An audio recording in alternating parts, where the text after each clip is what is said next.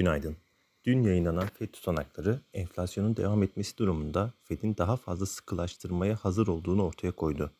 Tutanakta üyeler bir sonraki toplantı olan Temmuz ayında 50 veya 75 bas puan artırım öngördüklerini belirttiler.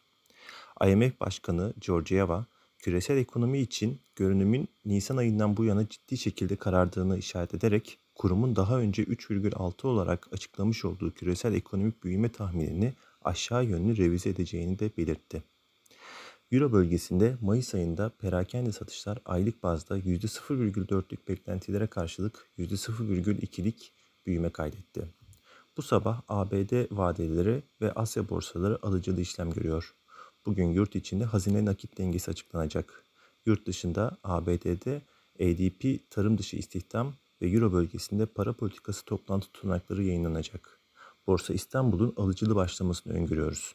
İyi günler.